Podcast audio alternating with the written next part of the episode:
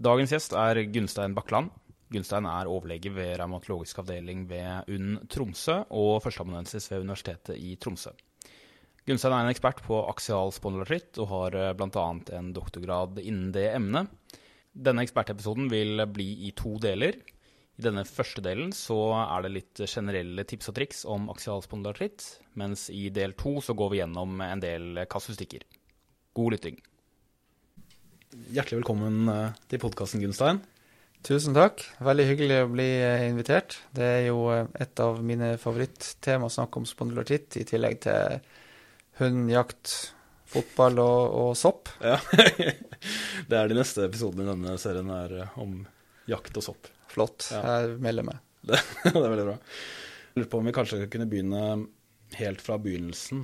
Og um, et, um, et, spørsmål som uh, sikkert mange i allmennpraksis lurer på. Og det er hvem, hvilke pasienter som egentlig skal henvises til MR-IS-ledd. Ja, det der er jo et uh, godt spørsmål. Um, og det finnes sikkert flere svar på det. Uh, men jeg tenker at det viktigste for en fastlege er å klare å gjenkjenne det som er inflammatoriske ryggsmerter. Mm. At de kan um, skjønne at her, her, kan det være mistanke om en spondylartritt.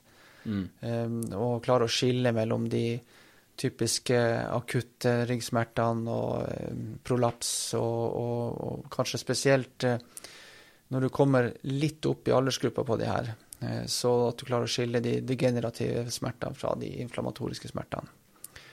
Um, så hvis de klarer å gjøre det, at de kan få en mistanke om at det her går i retning av å være inflammatorisk, at du har relativt unge pasienter, at du har uh, uttalt stivhet, uh, men uh, en effekt av å være i aktivitet, at du har effekt av NSAIDs, og, gjerne har en, en hereditet for spondylartritt, så, så syns jeg at de har klart å finne ut ganske mye, da. Mm. Ellers så vil det jo kanskje være sånn at de henviser pasienten til en MR-LS-kolumne, og så mister du eh, liksom det viktigste hos akkurat de pasientene som vi snakker om nå, da. Mm. At du ikke får med deg IS-leddene. Eh, LS-kolumna viser jo ellers ganske lite informasjon som er relevant for, uh, for de med spondylartritt. Ja. Og la oss si det da er en fastlege som har fanget opp en eh, slik eh, person som har ryggsmerter med i hvert fall delvis inflammatorisk preg, og eh, det er tatt en MR som viser funn som kan passe med sakroilitt, og denne personen blir henvist til deg.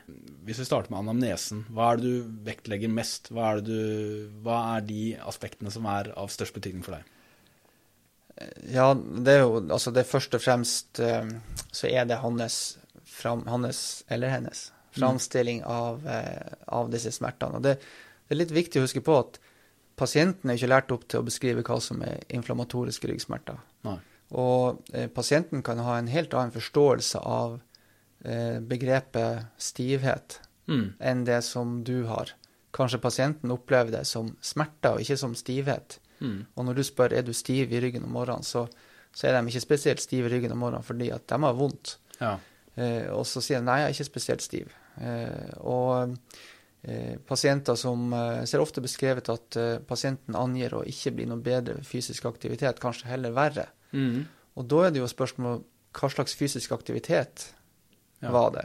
For hvis du har en pasient med spondylartitt, så har de fleste av dem har jo en eller annen aktivitet som trigger inflammasjon hos dem.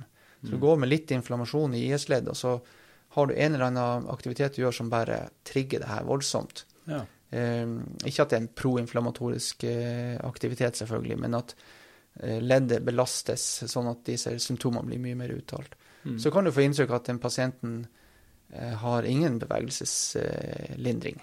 Mm. Eh, så avfeier man dette som ikke-inflammatoriske smerter.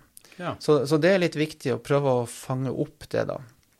Hvordan, hvordan smertene har debutert eh, hvorvidt de har smerter på natta. Det er som et ganske viktig eh, symptom. Mm. Eh, den beskrivelsen av alternating buttock pain ja. som, eh, som eh, vi eh, Ja, det er ikke et så godt begrep på norsk, da. Mm. men at de har setesmerter. Som, det er også et veldig tydelig, eller typisk symptom tidlig. At de har smerter som sitter litt på høyre side, litt på venstre side i setet. Mm. Eh, og som, eh, som, de kanskje eh, i starten ikke engang nødvendigvis relaterer til ryggsmerter. Mm. Så at man klarer å få tak i de litt kanskje uvanlige beskrivelsene. Mm. Eh, hvis du går og leser på ASA sine klassifikasjonskriterier, så, så sier de ingenting om alternating buttock pain, f.eks. Mm. Men at man kan fange opp det, da. Ja. Så, så de tingene er viktige. Andre symptomer som de har eh, Hvis du har eh, affeksjon av torakalkolumna, så har du ofte veldig mye smerter også i thorax. Mm. Eh, smerter ved, ved eh, dyp inspirasjon, ved hosting og nysing, det pleier jeg å spørre dem om. Eh, hvis de har det, så er det veldig uttalt ofte. Er det noe spesielt sted det pleier å sitte i thorax? Ja, ofte sitter jo da langs sternum, Ja. eh, og så kan det godt eh, sitte De beskriver at det sitter mellom skulderbladene. Ok. Mm. Som eh, Hvis de først har det, så er det jo ganske typisk, Ja. sånn som jeg opplevde det. Mm. Om de har hatt eh, uvita, om de har hatt entesitta, det er jo også sentralt å kartlegge, da. Mm. Som regel har de også tatt en HLA B27 når de kommer til meg. Ja. Og så er det å kartlegge hva, de, hva slags familiehistorie har de det. Mm. Om de har noen nære slektninger med spondylartitt. Ja. Um, der er jo noen som mener at det er spørsmål om eh, familiemedlemmer med spondylartritt er overflødig når du har tatt HLA B27. Okay. Fordi at eh, den arveligheten er så sterkt knytta opp til, til HLA B27. Okay. Jeg tar det med som et eh, viktig punkt i anamnesen likevel, da. Ja. Veldig bra. Og jeg syns ofte det er litt nyttig å høre hvordan eh, måte, ekspertene formulerer disse tingene. Fordi vi kjenner jo til dette med nattsmerter, morgenstivhet og effekt av NSAIDs som ting som på en måte passer inn i spondylartrittbildet. Hvordan er det du prøver å få frem f.eks. Eh, morgenstivheten? da? Du sa at de ofte kan oppleve det som smerter. Men hvordan er det du prøver å få frem det du mener? Ja, ehm, jeg pleier noen ganger å spørre dem at hvis du har fri fra jobb, Mm. og hvis du ikke står opp for å passe på ungene dine, eller du kan få sove så lenge som du vil, Mm. kan du sove utover morgenen da? Mm. Eh, så det her er ofte unge personer som er glad i å sove om morgenen. Mm. Eh, I alle fall de unge personene som, som bor i lag med meg. Ja. Eh, så hvis de ikke har noen problemer med å sove langt utover formiddagen, så har de ikke noe uttalt morgenstivhet, i alle fall. ja, ok. Ja, det er nyttig. Ja, så det, det er en sånn eh, måte jeg prøver å stille det spørsmålet på. Noen ganger visst at de ikke sånn umiddelbart eh, helt skjønner hva det er jeg mener. Ja. Eh, og så er det jo mange av disse pasientene som, som er veldig tydelige på det. Mm. Hvis du spør er du stiv i ryggen når du våkner om morgenen, eh, så, så er det spontant ja. Ja. Det er veldig, veldig uttalt. Og, og det, det der med Hvis du ser på, på, på Bastøy, så spør de jo om varighet av morgenstivhet, men Mm. de spør òg om intensitet av morgenstivhet. Ja. Som et eh, eget eh, spørsmål i, i Bastøy. Mm. Så det, det begge de to eh, elementene kan man da prøve å, å, å kartlegge. Og hvis du skal prøve å få frem eh, effekten av NSAIDs, da. Altså, det hender jo at jeg spør Eller jeg spør jo om det. Har du prøvd det, og hva slags effekt er det i så fall? Og så er det jo noen som sier sånn Ja, det ble litt bedre, men ikke helt bra. Men, Mm. ah, ah, prøver du, Går du noe dypere i det, eller får du bare en slags magefølelse av hva effekten har vært? Ja, jeg prøver å spørre dem litt hva det slags insight de har brukt. Ja. Det er veldig mange fastleger er glad i Ibux. Mm. Um, og hvis du har en pasient med spondylartritt som tar uh, Ibuprofen på kvelden, Mm. så har de god effekt til klokka to om natta. Ja. Og så har de null effekt klokka syv om morgenen. Ja. Um, så, så jeg prøver å kartlegge det, da. Hvis at jeg hører at de har fått uh, et, uh, et NSAID med en god uh, virkningsprofil i forhold til spondylartitt, spondylartritt, altså at du har en lang virketid, Mm. eh, så, så bryr jeg meg litt mer om at de rapporterer at de ikke har hatt effekt. Ja. Um, så så vil, det er viktig å være klar over det, da. Det, det er ikke likegyldig hvilket NSAID de velger. Nettopp. Og eh, hvis vi da snakker litt om undersøkelse, og dette er, dette er aktuelt tenker jeg, både for de nyhenviste og de som kommer til kontroll. Eh, fordi personlig i starten så var jeg veldig pliktoppfyllende og gjorde bass-mi og bass-fi og disse tingene. Eh, Occiput, vegg og alle eh, målene som jeg kjente til. Så det, må jeg jo innrømme at jeg har blitt litt mer tvilende til verdien av de tingene, da. Men har du noen Eller hva er det du tenker at er en, en rasjonell, bra ryggundersøkelse hos disse pasientene? Ja, jeg, jeg, liker jo veldig godt å gjøre BASMI, da. ja. Um, så jeg kjenner at jeg blir litt irritert når pasientene har vært hos noen andre leger før meg, og så, og så unnlater de å ta med noen av målene i BASMI. Men uh, kanskje blir litt mer pragmatisk etter hvert. Um, der er, der er, jo noen av disse målene som er mer direkte korrelert til aktivitet. Mm. Så hvis du ser på um, det som inngår i BASMI, da, så hvis du ser på uh, sidefleksjon f.eks., mm. så er egentlig det et veldig godt mål. Og det blir veldig raskt redusert hvis du får aktivitet opp gjennom kolumna. Okay. Uh, så det er vel det av de målene som, som er mest responsivt både på inflammasjon og på effekt av behandling. Mm. Sammen med cervikal rotasjon hos de som har affeksjon av nakken, så er det også et mål som blir veldig raskt redusert, og som også er veldig responsivt på, på behandling. Ja. Eh, så jeg skjønner jo det at man har eh, kanskje begrensa med tid av og til, og ikke rekker å prioritere absolutt alt. Mm. Eh, men hvis du ser da litt sånn over tid, så klart, hvis du begynner å registrere at pasienten får økende oksiput veggavstand eller tragisk veggavstand, mm. så er det i seg sjøl eh, ikke helt bra, da. Nei. Så det, det, er jo et, et varsko til deg at her bør vi gjøre noe annerledes. Om du skal da endre på medikamentell behandling, om du skal tenke litt mer aktiv rehabilitering. Mm. Eh, og det samme med toraksekskursjon, som, som også er et sånn veldig påvirkelig av trening og av, um, av rehabiliteringsopphold. Ja. Um, så jeg syns de har verdi, de testene. Ja. Det syns jeg absolutt. Ja. Um, før vi begynte å gjøre BASFIN, det er jo noe som kom når vi, når vi innførte GTI. Mm. Uh, så før det så, så gjorde vi bl.a. noe som heter spondylometri. Ja. Jeg vet ikke om du kjenner til den? Nei. Nei. Altså, det var et, et instrument uh, med en, en, ganske lang sånn arm på, okay. som var ledda på midten. Og så var det en gradskive på den ene en av de her armene. Mm. Og Så setter du den gradskiva nede over, omtrent over IS-leddene, og så setter du den andre ene av armene oppe på C7.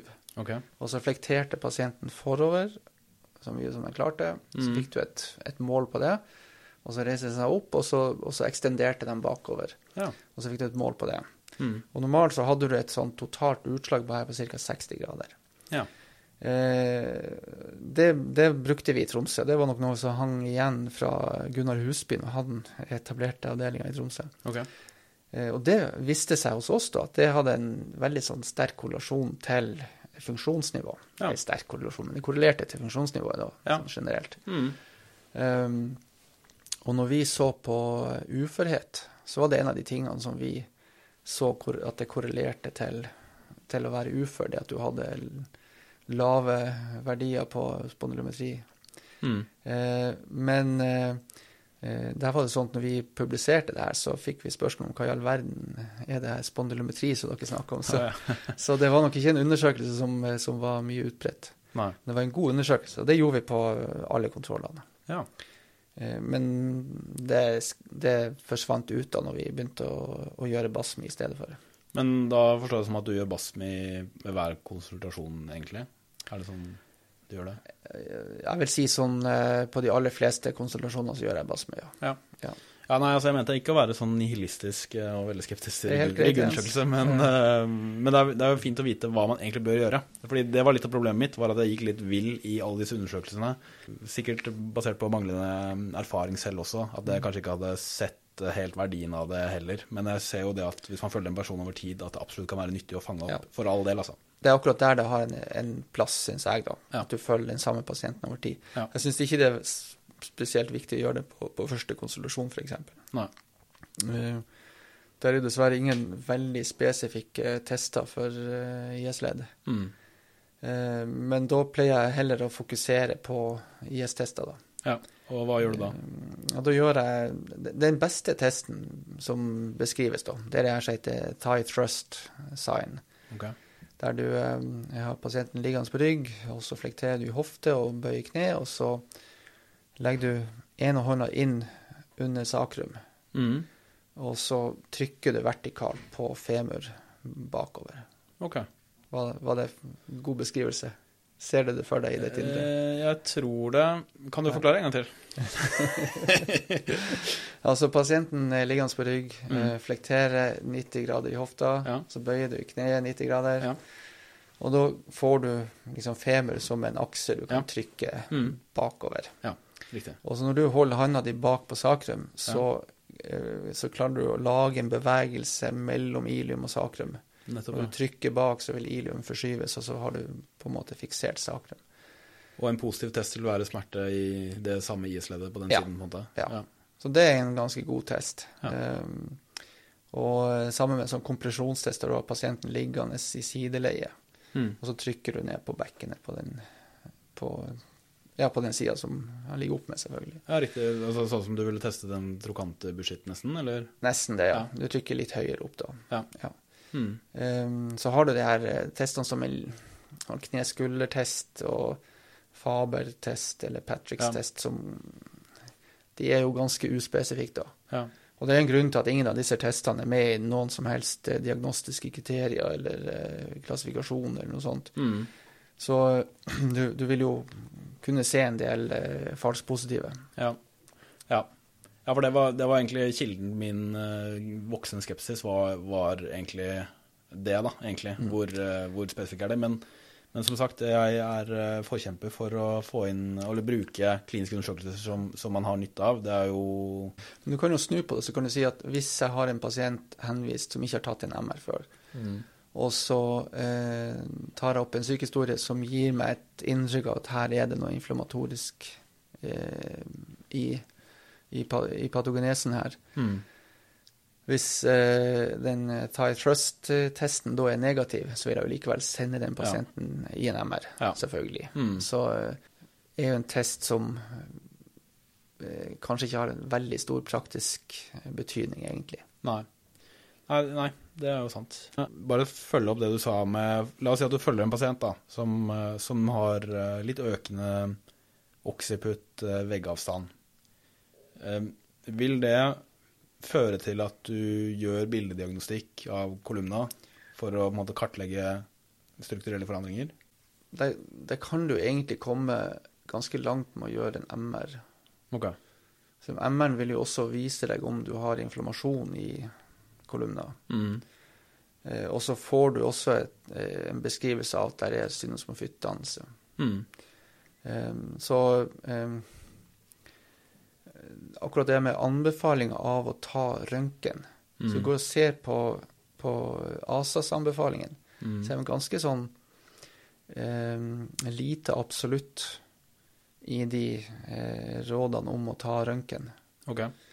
Men eh, hvis, du, hvis du vil vite bare om det er tegn til, til eh, eh, syndesmofyttdannelse, så klart røntgen kan være en grei undersøkelse. Men da må man jo huske på det at røntgen av torakal kolumna ofte ikke blir veldig god kvalitet på.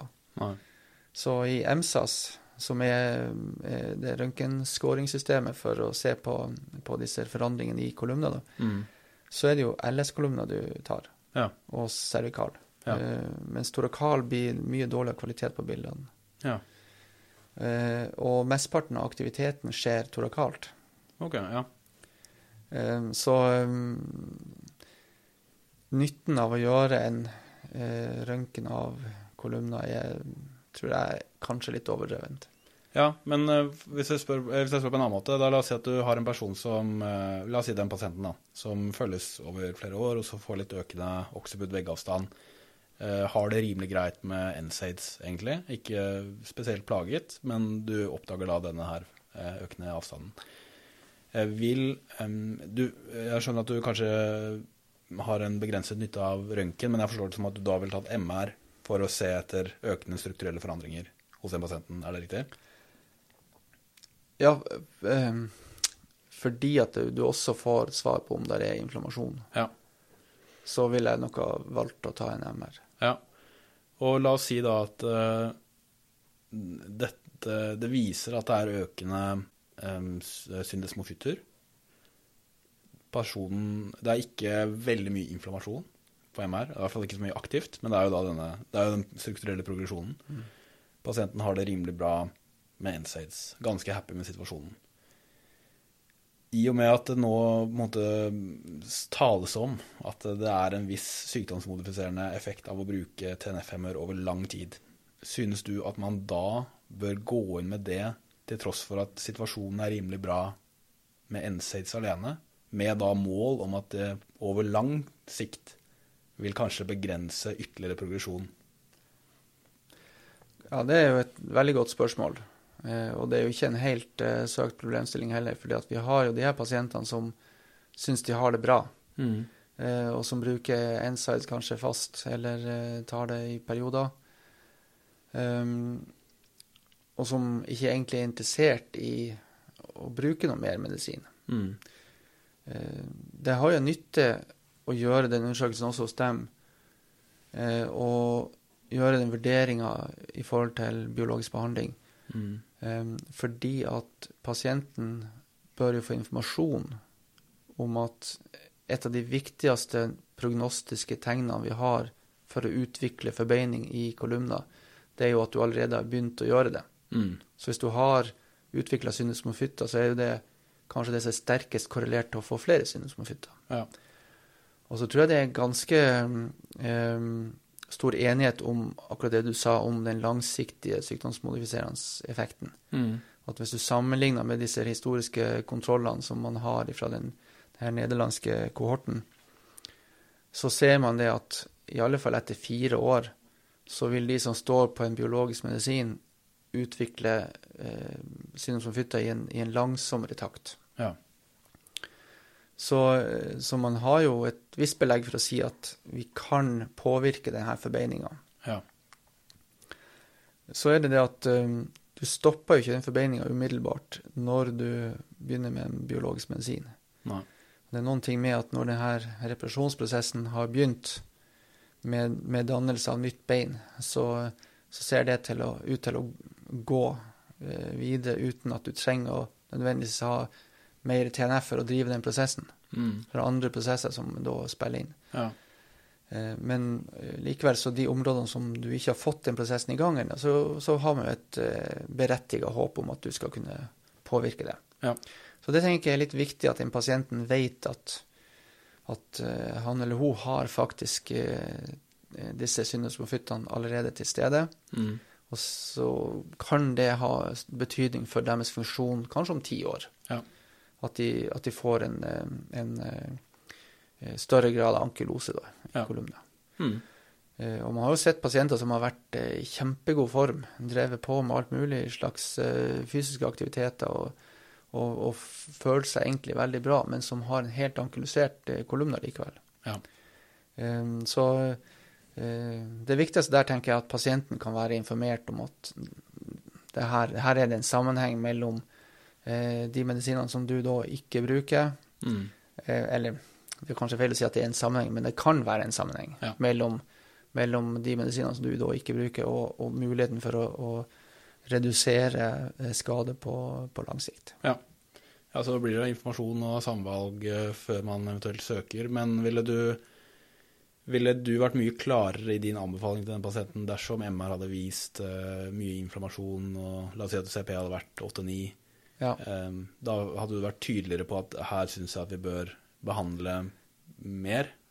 Ja, altså um, Det som er med disse pasientene, er jo at uh, veldig mange av dem ønsker jo den biologiske behandlinga. Ja.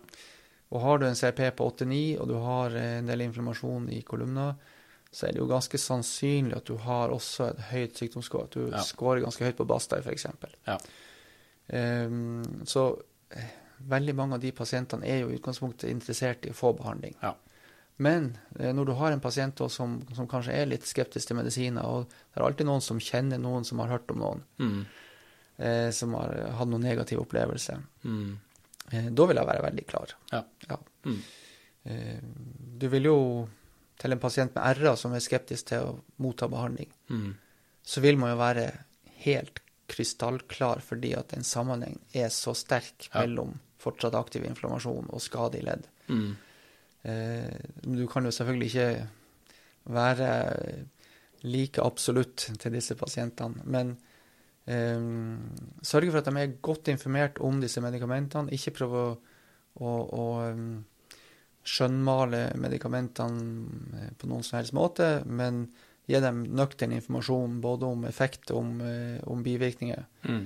Eh, og se litt om hva konsekvensene av eh, fortsatt aktiv inflammasjon i kolumner vil være, og spesielt hvis de allerede har sinusmofytter. Mm.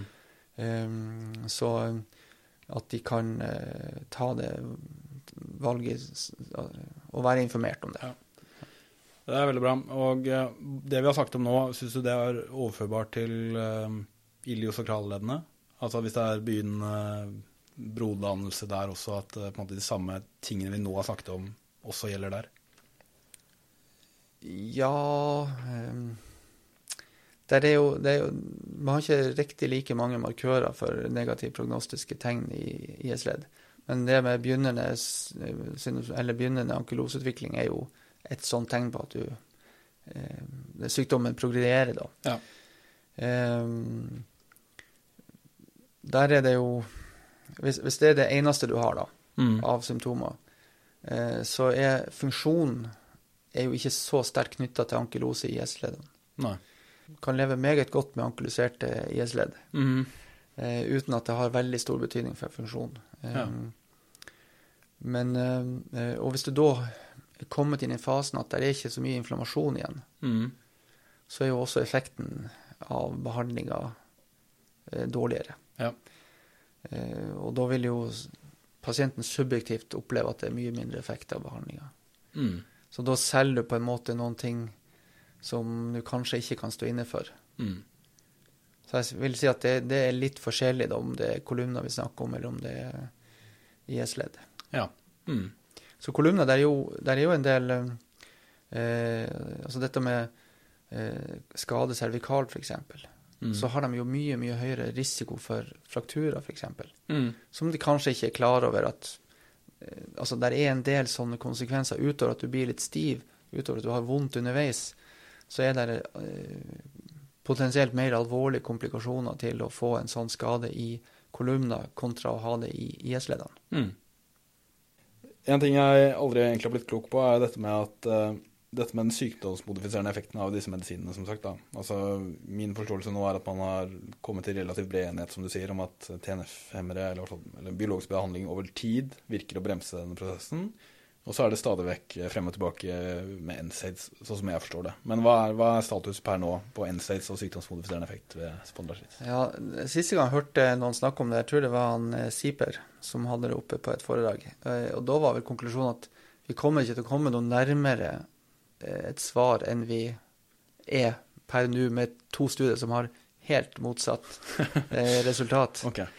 Um, det, det, er klart det, du må ha noen med deg som er interessert i å kjøre den studien. Ja. Um, men um, bare for å helt kort ta de to studiene, da, så, uh, så er det jo uh, sånn uh, post hoc-analyser på Celebra-studien mm.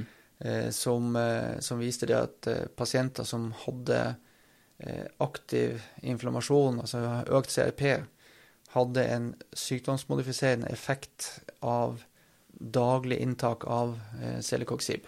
Mm -hmm. eh, som du ikke så hos de som tok den ved behov. Mm. Selv om forskjellen i dose på de to gruppene det var altså, Den ene gruppa tok 200 mg fast hver dag. Den andre gruppa hadde i snitt 150 mg per dag. Oh, ja.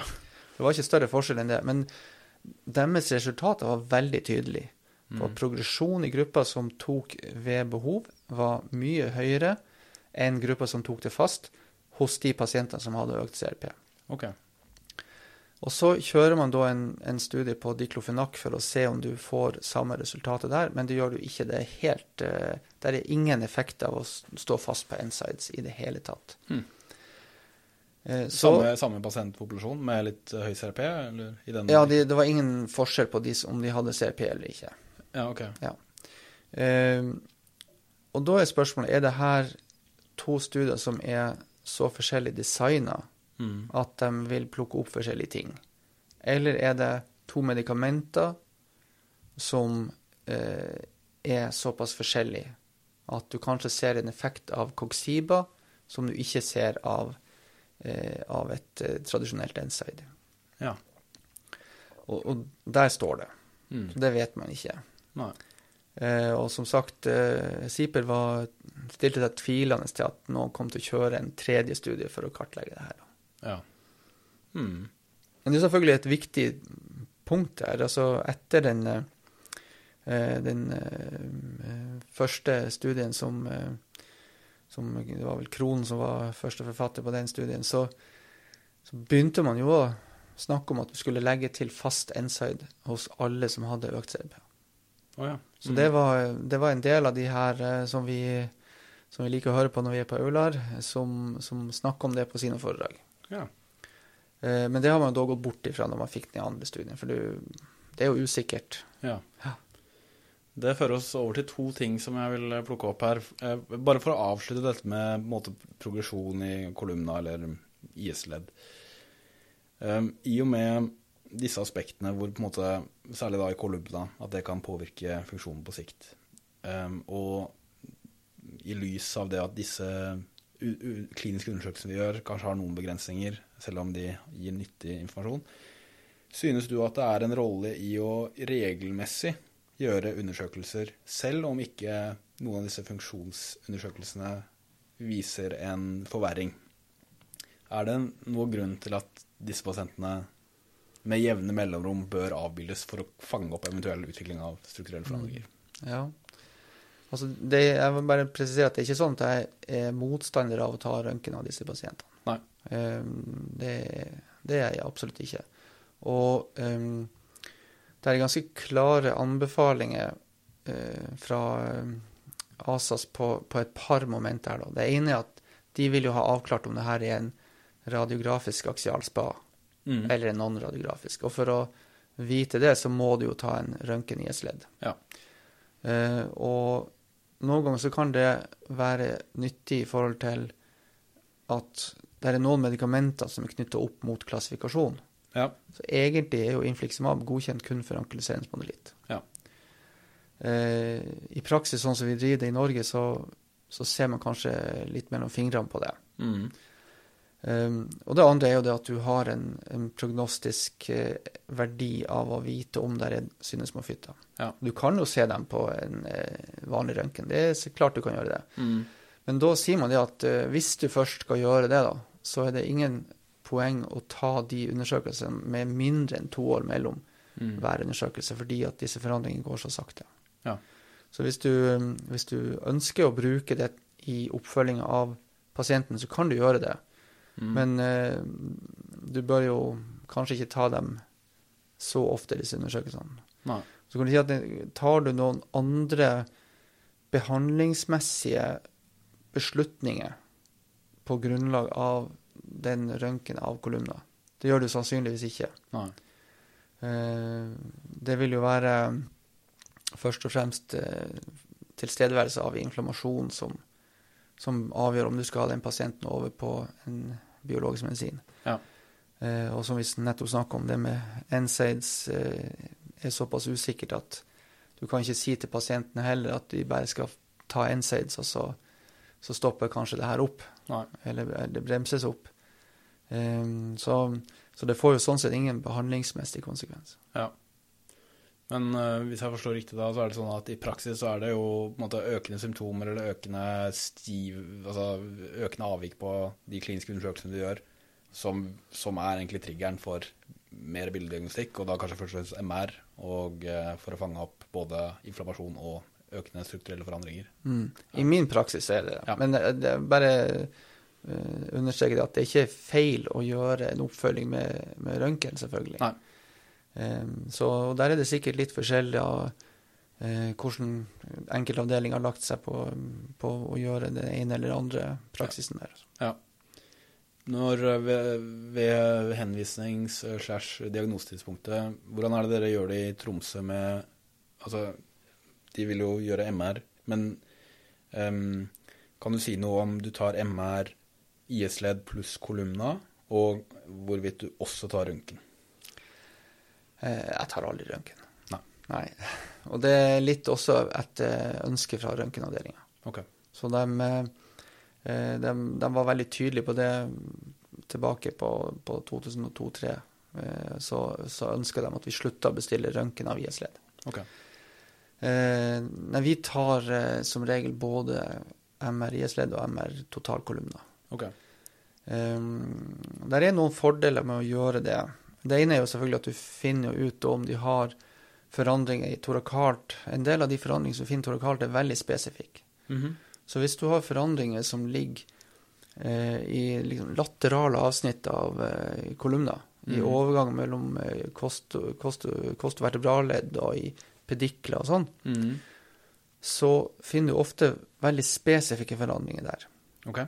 Hvis du da har forandringer i IS-ledd som kanskje er litt tvetydig, eh, kanskje ikke veldig uttalt, eh, og du i tillegg finner noen ting oppe i kolumner, så vil jeg si at eh, da, da er det jo veldig sannsynlig at det, de litt tvetydige forandringene som du ser nede i, i IS-leddene, er relatert til en spondylartritt. Ja, nettopp.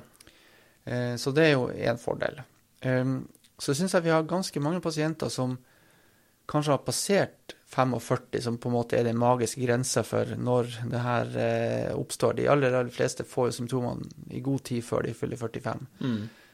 Men så er det jo noen som eh, ikke oppsøker lege når de er 30, Nei. for å få det her sjekka ut.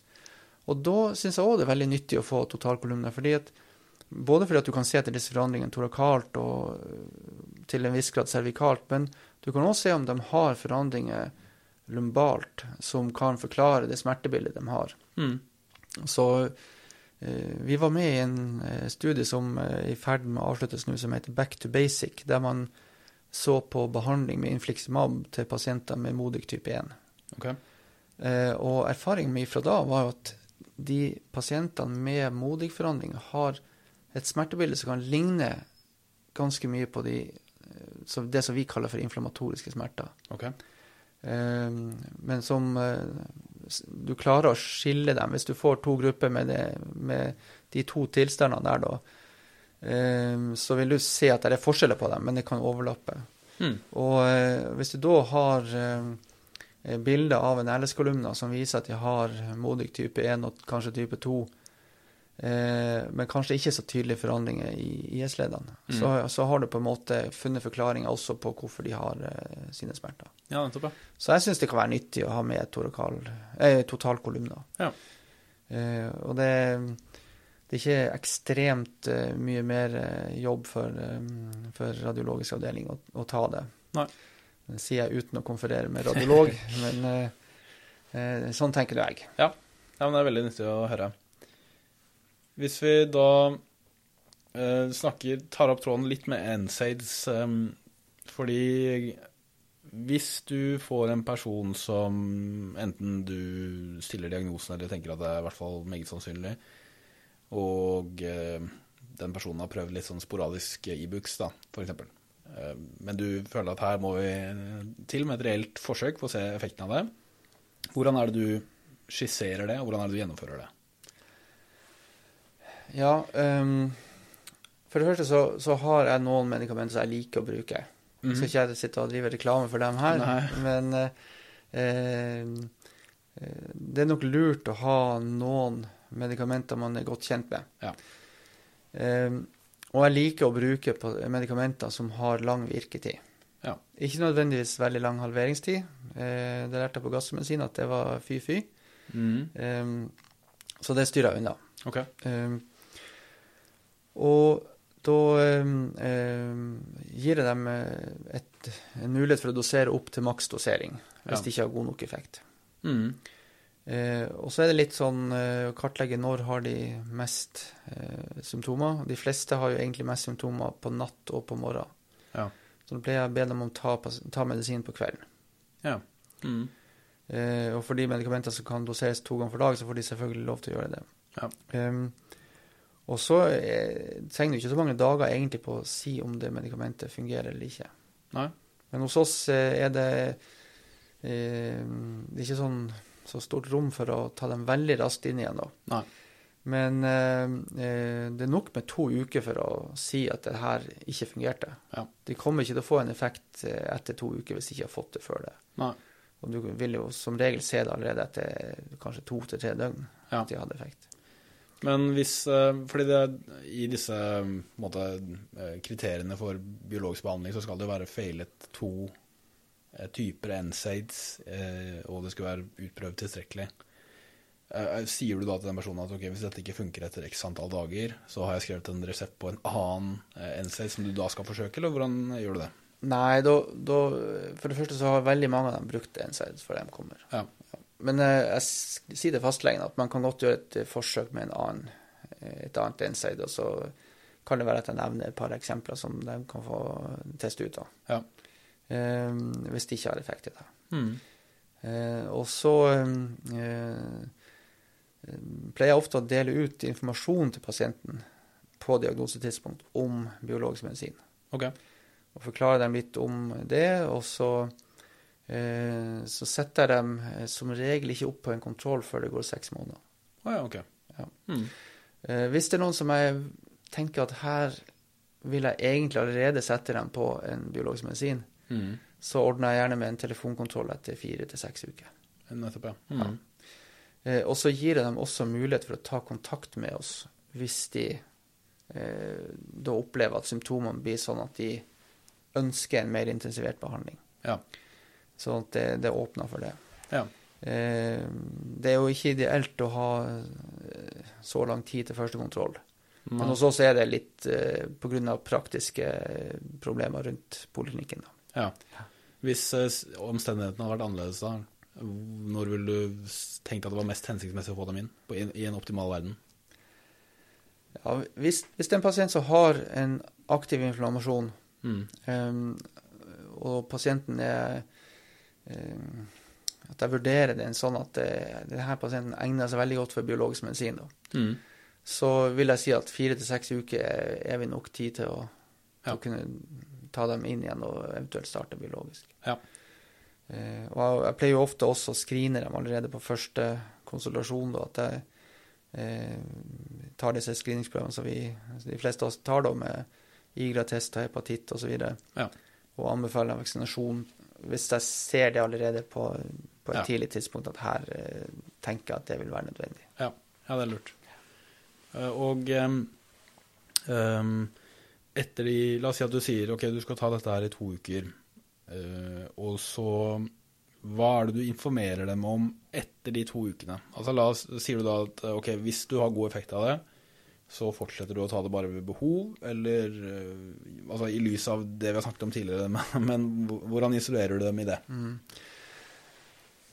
Ja, det, det er også et veldig godt uh, spørsmål, det. Fordi at eh, det er jo litt kontroversielt å la pasienter stå fast på NSAIDs pga. en relasjon til kardiovaskulære hendelser. Mm. Så jeg pleier å si at du tar det ved behov. Ja. Eh, du, du kan bruke det i eh, kanskje én til to uker, og så kan du ha pause så lenge som du føler at det er eh, greit. Og så kan du ta det på nytt igjen i et par uker. Mm. Sånn pleier jeg å, å si det til dem. Ja. Dette med risiko for kardiovaskulær sykdom De studiene som har visst det, er jo først og fremst artrosestudiene. Ja. Så du har kjempestore studier med 50 000-60 000 deltakere. Er slått sammen metaanalysene i, i, på, på mange store studier. Mm. Så har du en liten subpopulasjon der med artrittsykdom. ja. Og der ser man at den effekten på kardiovaskulær sykdom er mye mindre på de med artrittsykdom. Okay. Når vi gjorde opp eh, materialet på vår eh, AS-populasjon eh, for en del år siden nå, Mhm. det er vel eh, 14-15 år siden vi gjorde opp det tall, tallmaterialet der, Mm. så så vi på mortalitet blant annet. Ja. Og da hadde vi eh, både sånn total eh, crude, crude mortality rate, som, som vi så på, på hele populasjonen, som var på en vel 500 pasienter, eh, og sammenligna det med frisk befolkning, eller normal befolkning. Og så hadde vi eh, ganske mange pasienter som hadde vært vært på en etterundersøkelse ca. ti år tidligere, Mm.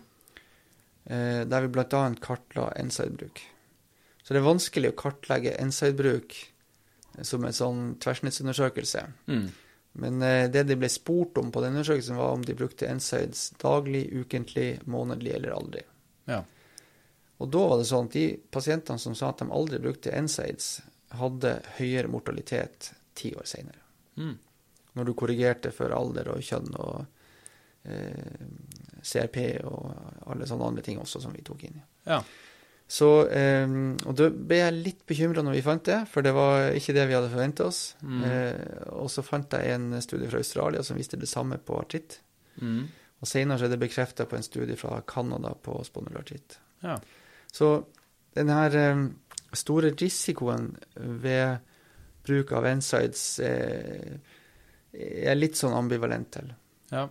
Eh, Men det bringer oss over til neste ting jeg ville høre med deg om, og det handler jo om eh, kontraindikasjoner for NSAIDs. Fordi der er det jo Du får jo tusen forskjellige svar, avhengig av hvem du spør om det, da. Og det, i hvilke situasjoner er det du tenker at det er absolutt uaktuelt å gi NSAIDs? så jeg vil si at eh, pasienter som har en moderat nyresvikt, er absolutt kontraindisert. Ja. Eh, og det kommer litt an på kom- kommer litt an på hvilke type NSAID de har brukt, og, og hvor ofte de bruker det. Og, men der er jeg veldig forsiktig hvis de har en nyresvikt. Og det trenger ikke være noe uttalt nyresvikt, altså. Selvfølgelig.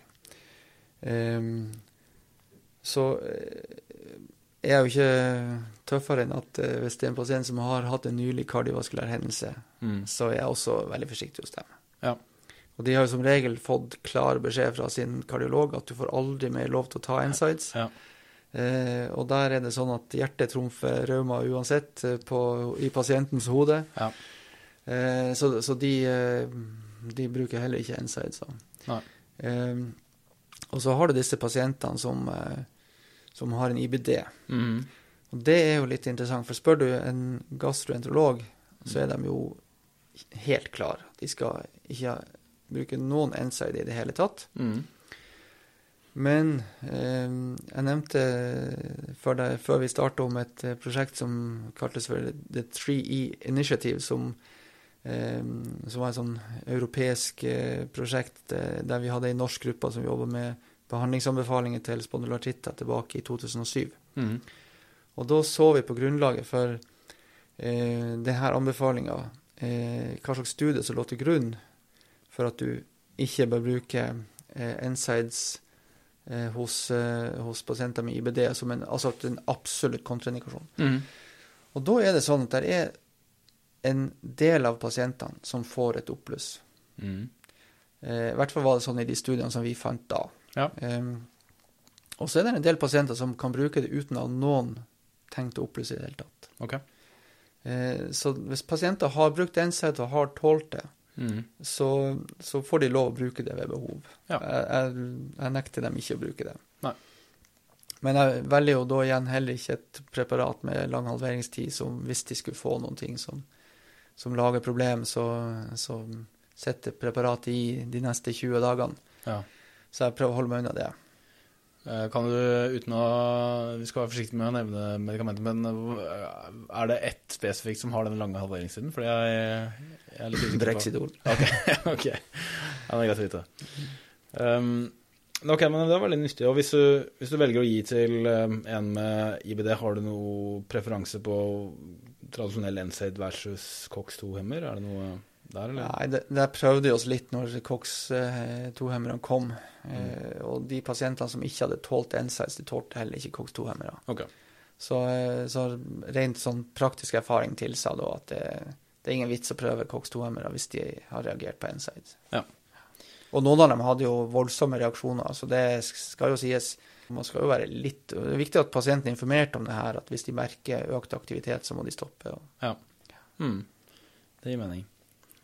Og helt til slutt i denne generelle episoden, hvis vi bare snakker litt om disse sykdomsskårene, Basta og Astas, har du noe eh, preferanse på de per nå?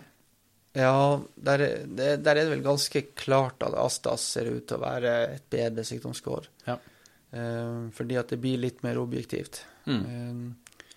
Eh, du har pasienter som har normal CRP og scorer kjempehøyt. eh, I Bastai så er det jo som regel et sånn kronisk smertesyndrom som ligger i bunnen. Eller altså Ja. en ikke-inflammatorisk årsak til det.